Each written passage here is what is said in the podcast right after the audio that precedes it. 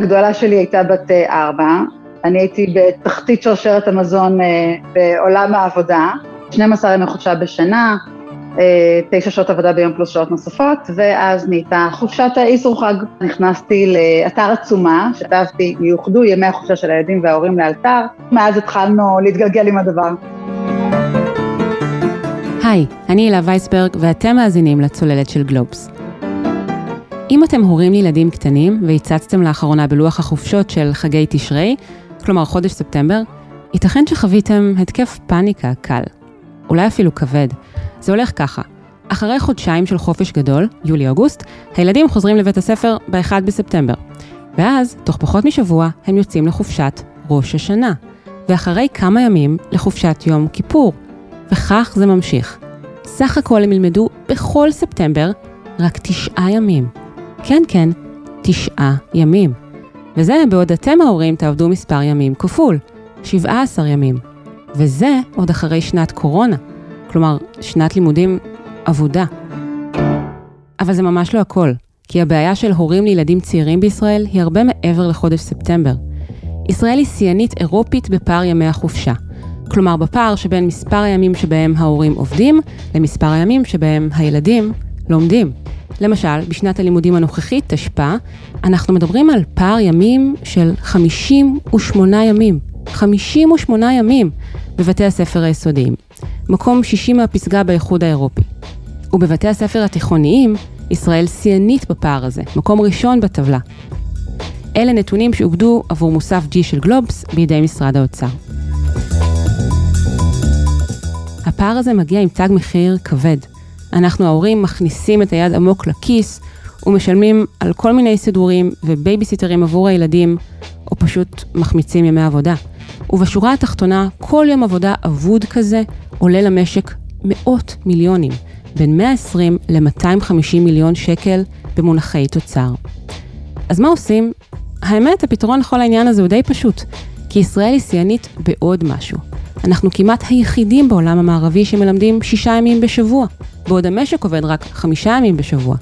ואם לוקחים את כל ימי השישי האלה, מבטלים אותם וממירים אותם לימי לימודים, פער ימי החופשה מצטמצם. אז למה מה שנראה פשוט הוא בעצם די מסובך? והאם שרת החינוך המיועדת, חברת הכנסת יפעת שאשא ביטון מתקווה חדשה, שכבר הצהירה שתוביל מעבר לחמישה ימי לימודים, תצליח לממש את ההבטחה הזו?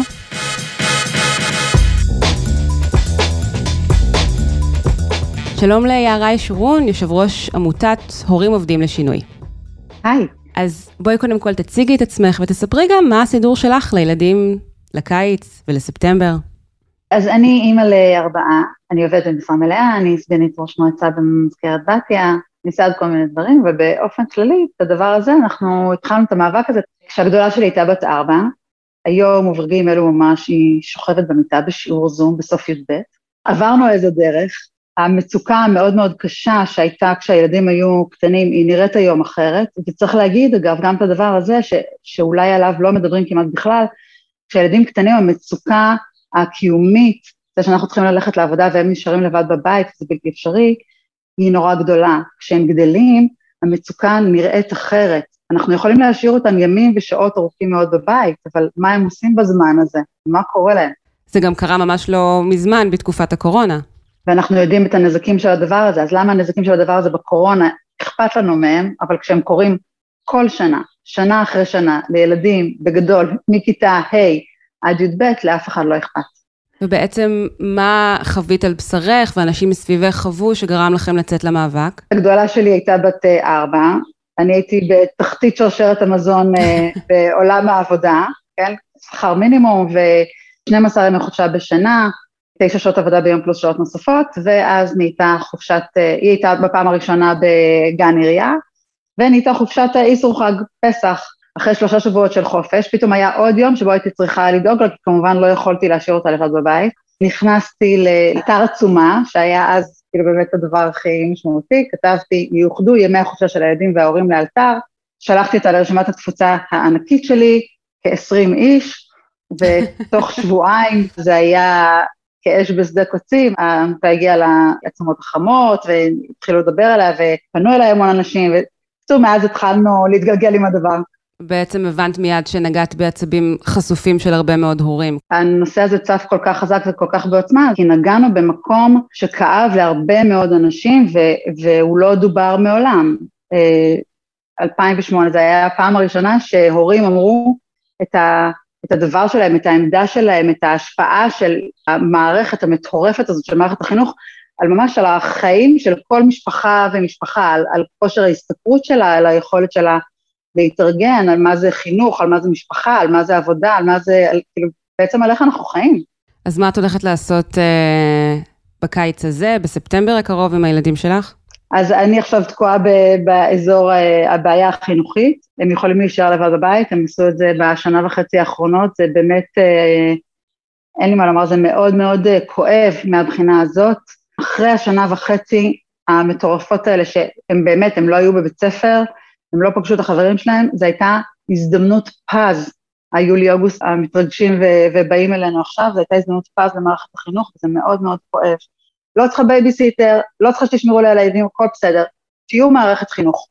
ומה באמת ראית עליהם בתקופה הזו של הקורונה, שהם היו כל כך הרבה זמן בבית לבד? כלומר, האם הם חוו אה, קשיים רגשיים?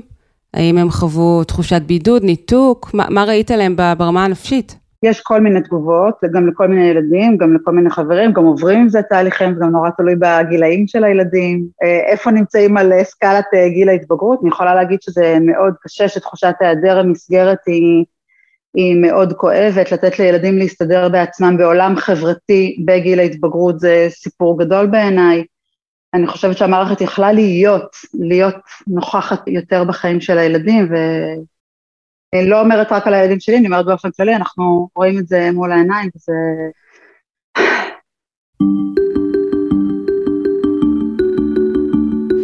אז אנחנו מדברות על פער ימי החופשה בישראל, ובעצם השאלה היא, למה הוא כל כך גדול ביחס לעולם? כשמסתכלים על סך ימי החופשה במערכת החינוך, אנחנו לא רחוקים מהממוצע, אז מה בעצם קורה פה? בסוף בסוף מקור הפער של החופשות של ההורים והילדים זה חוסר הסנכרון בין שבוע העבודה לשבוע הלימודים. אנחנו עובדים חמישה ימים בשבוע, הילדים לומדים שישה ימים בשבוע, אנחנו יוצרים לעצמנו מצב קבוע שבו יש ימים שהילדים בבית ואנחנו לא, כל החופשות, ומצב הפוך שבו אנחנו בבית והילדים לא בימי שישי. דווקא מתוך המקום שאנחנו רוצים להיות עם הילדים שלנו כמה שיותר, ובניגוד למה שאומרים עלינו הרבה פעמים, אנחנו לא מחפשים בייביסיטר, אנחנו לא רוצים שהמערכת תהיה רק שומרת על הילדים שלנו בזמן שאנחנו מתפננים בעבודה או מה שזה לא יהיה. ברור שהפערים אה, מאוד מאוד גדולים, וברור גם שהמשק לא יכול לאפשר לעצמו לא לעבוד שלושה חודשים בשנה, בין שלושה לארבעה, כמו שקורה במערכת חינוך. לכן אנחנו הצענו, הסתכלנו על הלוח ואמרנו מה יקרה אם אנחנו נוריד את ימי השישי, אבל לא נזרוק אותם לפח, כמו שקרה אגב עכשיו בקורונה, כשלא למדו בימי שישי, אלא נשתמש בהם לסגירת חופשות. וישבנו על זה גם ביחד עם הרבה גורמים, ביחד עם האוצר, והגענו לתוכנית כזאת שאם אנחנו באמת מורידים את אה, ימי שישי, יש בממוצע 37 ימי שישי בשנה, אם אנחנו מורידים אותם אפשר להתחיל את הלימודים באופן קבוע ב-20 באוגוסט כדי לא לייצר מה שהולך להיות לנו בספטמבר, שמתחילה שנת הלימודים ומיד מתחילים החגים. אפשר להוריד את כל ימי אסרו חג, שזו החופשה הכי מיותרת by far, כולם מסכימים על זה, כולל מורים, כולל מנהלים. אפשר אה, לקצר אה, חצי מחנוכה וחצי מפסח, אפשר פשוט להיטיב את, את המערכת באופן אה, מאוד מאוד משמעותי. דיברנו על זה, הצענו את זה, עשינו לזה לובי, התאמצנו, דיברנו עם אנשי המערכת, מבפנים, מבחוץ, עם ההורים, עם כולם, ועד היום זה לא קרה, אולי, אולי זה יקרה, הלוואי. מה שמדהים זה שאתם רצים, כפי שאת סיפרת לי, עם בדיוק אותה התוכנית, מ-2011, עשר כן. שנים, אותו דבר, כן, וזה עדיין 2011. מאוד רלוונטי. זה מאוד רלוונטי, אני חושבת שמה שראינו השנה בקורונה, זה שזה אפשרי. כי היו כל מיני ביקורות על התוכנית הזאת, אנחנו ראינו את התוכנית ואמרנו, טוב, זה נראה לנו בגדול מושלם, נגיד כמעט כולם סובלים במידה שווה, גם ההורים נותנים כאן משהו, גם המערכת נותנת כאן משהו, כולם, כולם מתארגנים קצת אחרת, והייתה ביקורת אפילו מצד ההורים שאמרו, אל תיקחו לנו את ימי השישי, זה האוויר שלנו, זה המקום שבו אנחנו נושמים. ואנחנו, מה שאמרנו כל השנים היה שברור שבמערכת שהיא כל כך מכניסה משפחות למצוקה, שבה כל הזמן הורים צריכים לג'נגל, שבה התחושה היא כל הזמן של מצוקה מאוד מאוד קשה ושל פער שהוא בלתי אפשרי, אז ברור שהשלוש שעות האלה בימי שישי הם, הם אוויר לנשימה. אבל אם כל המערכת תהיה מסונכרנת והיא תהיה יותר מותאמת, ולא נהיה כל הזמן בריצה המטורפת הזאת, אז הימי שישי לא יראו לנו אסון. ולא רק זה, אלא ברור שעדיף אה, לי כ- כמשפחה לשלם למישהו שיהיה עם הילדים או לפעילות הילדים שלוש שעות בימי שישי מאשר שמונה או תשע שעות באיסרו חג, שם גם אין לי ברירה. בסדר, כאן אני יכולה לבחור אם אני משתמשת במסגרת הזאת וכאן לא.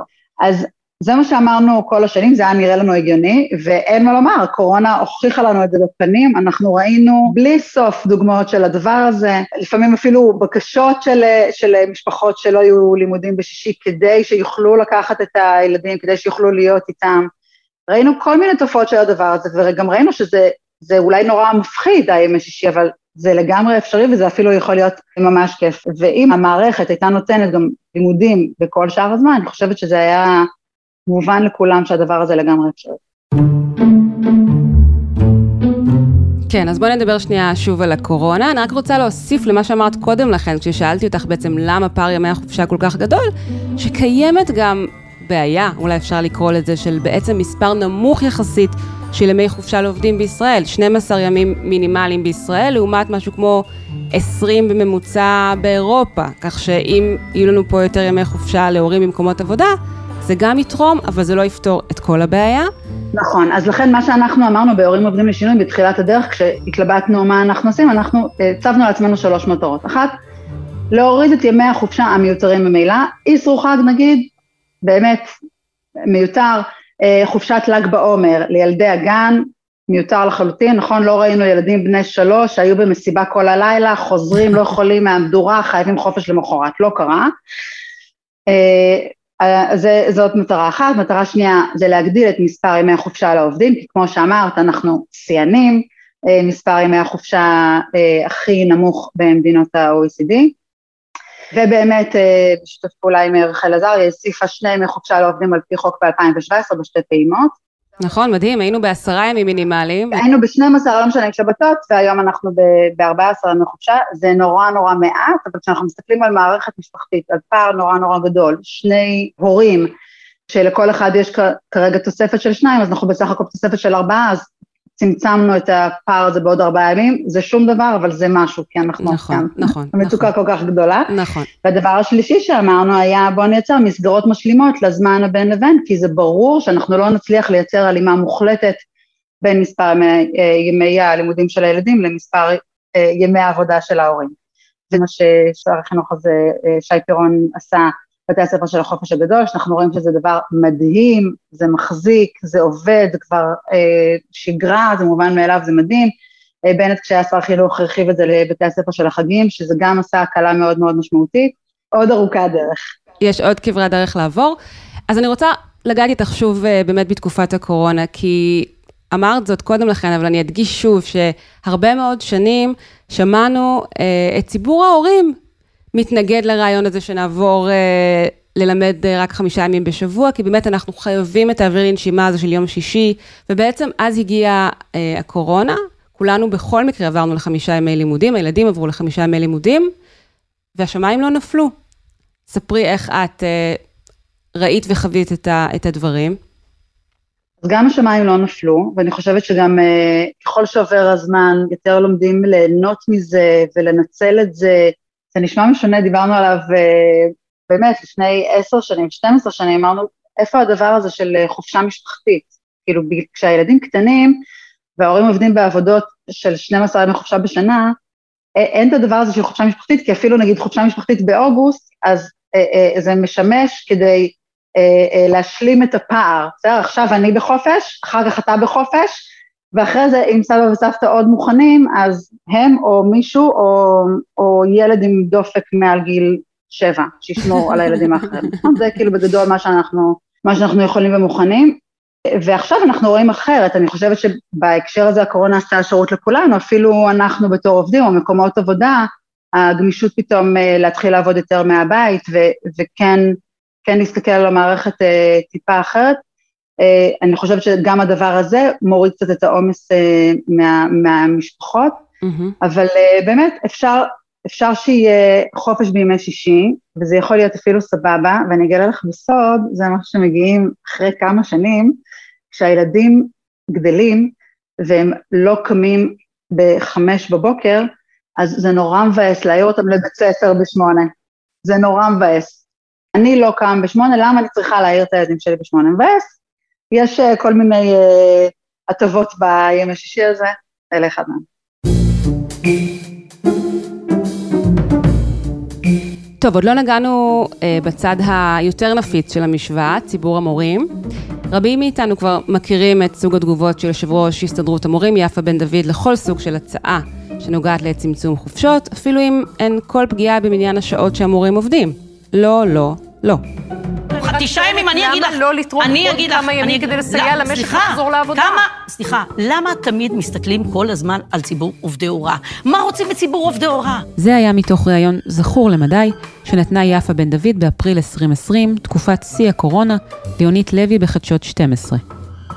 למעשה יש אפילו הצעה של כלכלני חטיבת המחקר בבנק ישראל, דוקטור גיא סגל ודוקטור יוסי מרגונינסקי מ-2019, דומה להצעה שגם את דיברת עליה, יערה, שמדברת על פתרון שנועד להיות ווין ווין במעבר הזה לחמישה ימי לימוד.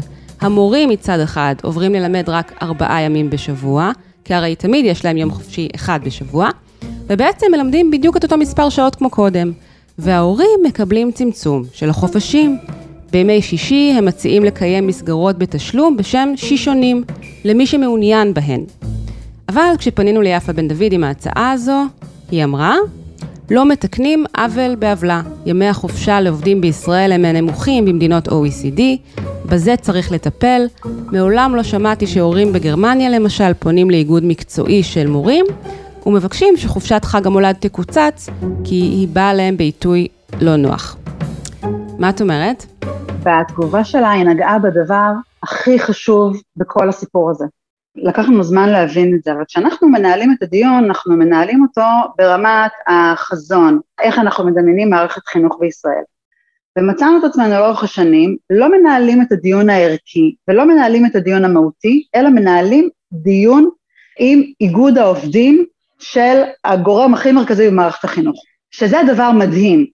אין לזה אח ורע, זה לא, את לא תראי את זה בשום משרד אחר, בשום מקום אחר. ועד העובדים זה דיון שאת מנהלת איתו, ברור, זה צריך להיות חלק מזה, אין שום סיבה לפגוע בתנאי העובדים. ואגב, יותר מזה, אנחנו לאורך כל השנים, אפשר לבדוק ולעקוב, אנחנו כל הזמן אמרנו, מורים, מנהלים, צוותי חינוך, הם הדבר הכי חשוב במערכת.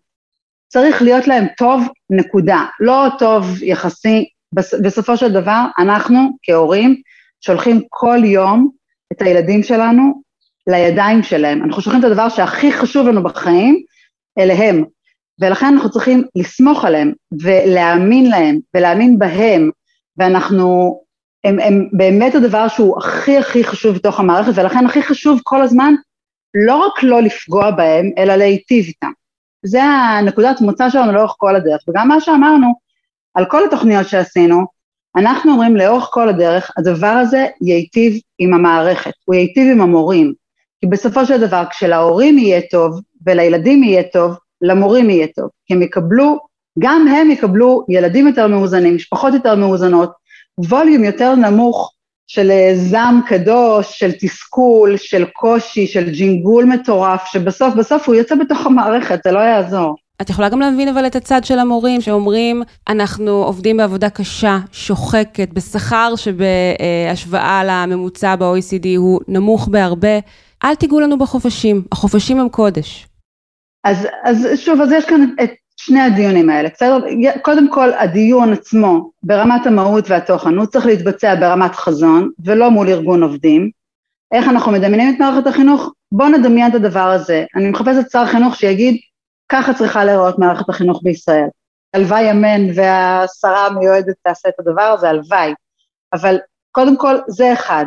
דבר שני, אנחנו באמת, לא רק שלא רוצים לפגוע, אנחנו רוצים שיהיה להם טוב. אני מבינה את האמירה, אל תיגעו לנו בחופשות, אני אומרת, לא נוגעים בחופשות, לא יהיה לכם פחות חופש, זה ייראה אחרת, זה ירגיש אחרת. אני אומרת, זה, זה ירגיש יותר טוב לכם, גם אתם תהיו עם הילדים שלכם. אם זה ככה, אז uh, למה ההתנגדות המתמדת הזאת, העיקשת הזאת, הכל כך נחושה הזו? לאורך השנים היו המון המון מורים מנהלים, צוותי חינוך, שרצו אחרת, ופנו אלינו ורצו ואמרו, אה, לצערי הרוב אה, בעילום שם ולא רוצים להיחשף, אבל יש כמויות, אנחנו ראינו את זה גם בקורונה, ראינו דוגמאות טובות ליצירתיות של המערכת, יצירתיות של מנהלי בתי ספר, יצירתיות של מורים, הם יודעים לעשות את הדבר הזה, הם רוצים לעשות את הדבר הזה.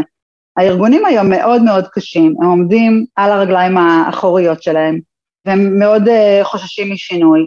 אגב, גם המערכת יודעת, כבר עשתה את זה, לנסות משהו, ואם זה לא טוב חוזרים אחורה. אחרי ש... שלוש שנים uh, מאז שהתחלנו לפעול, גדעון צער, הוא כינס את uh, ועדת סלבין, שהמליץ באמת uh, uh, לארגן מחדש את uh, לוח החופשות, ואז הוא הזיז את uh, תחילת uh, שנת הלימודים ל-27 באוגוסט. זה היה כאילו כלום, מה... אנחנו מדברים על חמישה ימים בסוף אוגוסט. מה הסיפור הגדול? אז קודם כל, ראינו שלוח השנה לא קדוש. אפשר לגעת בו, אפשר להזיז אותו והכל בסדר, שום דבר לא, לא מתמוטט. שתיים, באמת הימים של סוף אוגוסט הם ימים מאוד מאוד מאוד קשים, כי כבר אין יותר משאבים, אין יותר כסף, אין יותר בייביסיטר, אין יותר אנשים שמוכנים לשמור על ילדים, אין יותר הורים, אין יותר עבודה, אין יותר כלום, כבר אי אפשר יותר, אז הייתה שם הקלה, וגם, כמו שאנחנו רואים השנה, זה הגדיל את הפער בין הכניסה ללימודים לבין החגים, זה לא נכנסים למערכת ומיד יוצאים. אחרי שלוש שנים זה חזר. Mm. אם היו שמים אותם, כמו שאנחנו המלצנו, במהלך השנה, בימי שישי, זה היה אחלה ונוח ונעים וכולם היו שמחים. בעיה שהחזירו את הימים האלה לעוד ימים בתוך המערכת, שהם נורא קשים גם ככה, אז זה לא עזר. ואז המערכת ידעה שהפירון החזיר וחזרה לתחילת הלימודים לראשון בספטמבר. זאת אומרת, המערכת גם יודעת לעשות את התזוזות האלה, ואני אומרת, בואו ננסה. שנת הקורונה הזאת הייתה שנת ניסוי, אוקיי, בואו בוא נקדיש את שנה הבאה לשנת ניסוי אחר. לא יעבוד, נחזור אחורה, את זה אנחנו יודעים לעשות. יערה, הזכרת קודם יוזמות מקומיות ואת העובדה שיש מורים שכן רוצים לבוא לקראת ומנהלים. את יכולה לתת דוגמה קונקרטית מהתקופה האחרונה? אני יכולה לספר על אה, סיפור שהגיע אליי, על אה, בית ספר במרכז הארץ, שהייתה שם התארגנות פנימית בתוך בית הספר, מצד הניהול שמה. יוזמה עצמאית להתאים את השעות והימים. הם עשו שם מהלך מאוד מאוד יפה, אפילו הם רצו שהמהלך יהיה מקובל על הארגונים ועל הפיקוח ועל הכל, שהוא יהיה ממש, אה, לא רק משהו שסוגרים אותו בתוך הכיתות בין הדלתות, אלא ממש שיהיה מקובל. הם החתימו את כל המורים על הסכמה לדבר הזה, ובאמת אה, הלכו איתו לפיקוח. אה, זה לא הצליח עד הסוף.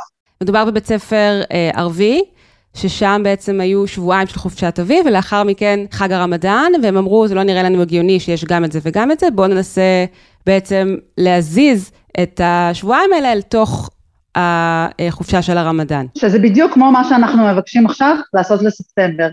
בואו בוא נעביר את אוגוסט לספטמבר, כי ספטמבר זה כל החגים, בואו נסנכרן את זה רגע. זה לא כזה מסובך, זה יעשה הקלה מאוד גדולה גם למורים, גם לצוותי החינוך, לכולם זה יעשה טוב. בואו ננסה לעשות את הדבר הזה. בואו ננסה. לא צריך להתחייב, לא צריך שום דבר. ברור שאסור לפגוע בתנאים של המורים, ברור שצריך שיהיה להם טוב. בסדר? אין שום שאלה על הדבר הזה. בואו נעשה ניסיון, אנחנו כל כך סובלים מהמערכת, אנחנו ראינו את השנה הזאת כהזדמנות לעשות כל מיני שינויים. כבר העולם פתוח לשינויים האלה, ההורים פתוחים, המורים פתוחים, הצוותים פתוחים, בואו נעשה את זה. כלומר, שהשנה הזו באופן ספציפי, בגלל המאפיינים שלה, החופש הגדול יהיה אה, בעצם אוגוסט-ספטמבר. נגיד, אני מוכנה כל מיני דברים. אתם רוצים אה, אה, אחרי זה לקחת את אה, ספטמבר ולהעביר אותו לחופשה באמצע השנה בווטאבר, אין בעיה. יש כל מיני דינמיקות שאפשר בתוך זה, אבל בספטמבר גם ככה אין ימי עבודה, אין ימי לימודים, בואו נגדיר את זה חופש גדול. בואו נעשה גם, זה, זה ירווח את כולנו. ומה יפה בן דוד אומרת? זה, את יודעת. אני חושבת שחבל, אני חושבת שזו החמצה של המערכת, וגם אני חושבת שיכול להיות כאן דבר גדול גם מבחינה חינוכית. אז את מאמינה ש... שיהיה פה שינוי? ששרת החינוך המיועדת יפעת שאשא ביטון תצליח סוף סוף אה, להוביל את השינוי הזה, שנעבור לחמישה ימי לימוד? אנחנו קמנו ב-2008, ואמרו לנו, בחיים לא תצליחו להזיז אפילו יום חופשה אחד. ואמרו לנו, אין לזה שום סיכוי. ואמרו לנו, אנחנו 13 שנים אחרי, אני מודה, בשנים האחרונות אנחנו, באמת הילדים שלנו גדלו וזה פחות כואב, אבל השינוי ש, שנעשה בלוח שדיברנו עליו מקודם, בתי הספר של החופש הגדול, בתי הספר של החגים, שניהם מחופשה לעובדים. המערכת משתנה, זו מערכת עצומה בגודלה, והיא משתנה, היא, היא עושה את הדבר הזה, זה קורה לאט, אבל הדבר הזה קורה. אז כן, אני אופטימית, אני חושבת שאפשר, אה, אני מאוד מאמינה ששר חינוך או שרת חינוך שחינוך בליבה ורואה את כל המערכת ומבינה איך כל דבר ישפיע על כל דבר, את האקוסיסטם הזה, אני מאמינה שאפשר לראות את זה, אני מאמינה שעכשיו השנה אפשר עוד יותר לראות את זה, ואני מאמינה שזה אפשרי. אני יודעת שזה אפשרי, ראינו את זה השנה, זה יכול לקרות. הלוואי. יערי שורון, תודה רבה. תודה רבה, הילה. מהסתדרות המורים נמסר עוד בתגובה. לא נסכים לפגיעה בעובדי ההוראה. כדי לשמש בייביסיטר, בית הספר של החופש הגדול הוא אלטרנטיבה טובה ומענה מצוין להורים. המעסיק של עובדי ההוראה הוא המדינה באמצעות משרד החינוך. לאחר הרכבת הממשלה, בכוונתנו לקיים משא ומתן עם משרדי האוצר והחינוך להסכם קיבוצי לשיפור משמעותי בתנאי עבודתם של עובדי ההוראה. עיקרי ההסכם יהיו העלאת שכר משמעותית, צמצום מספר התלמידים בכיתה ומתן אוטונומיה בית ספרית. עד כאן עוד פרק של הצוללת. הכתבה המלאה על פער ימי החופשה שכתבתי עם עדי אהרוני מילשטיין מופיעה בסוף השבוע במוסף G. אתם יכולים למצוא אותנו באתר גלובס, בספוטיפיי או בכל אפליקציית פודקאסטים. ונשמח אם תדרגו אותנו גבוה באפל פודקאסט ותשלחו את הפרק לחברים ששוברים את הראש מה לעשות עם הילדים בקיץ, בספטמבר ובכל החגים שיבואו אחר כך. אנחנו מזמינים אתכם להאזין לעוד פרק של הצוללת של גלובס שפרסמנו השבוע, המקף בין הון לשלטון. שיחה עם מנכ"לית לובי 99, לינור דויטש, על הפרשה שמסירה בימים האלה את המדינה. את הפרק ערך ניר לייסט. אני הילה וייסברג, נתראה בפעם הבאה. ביי ביי.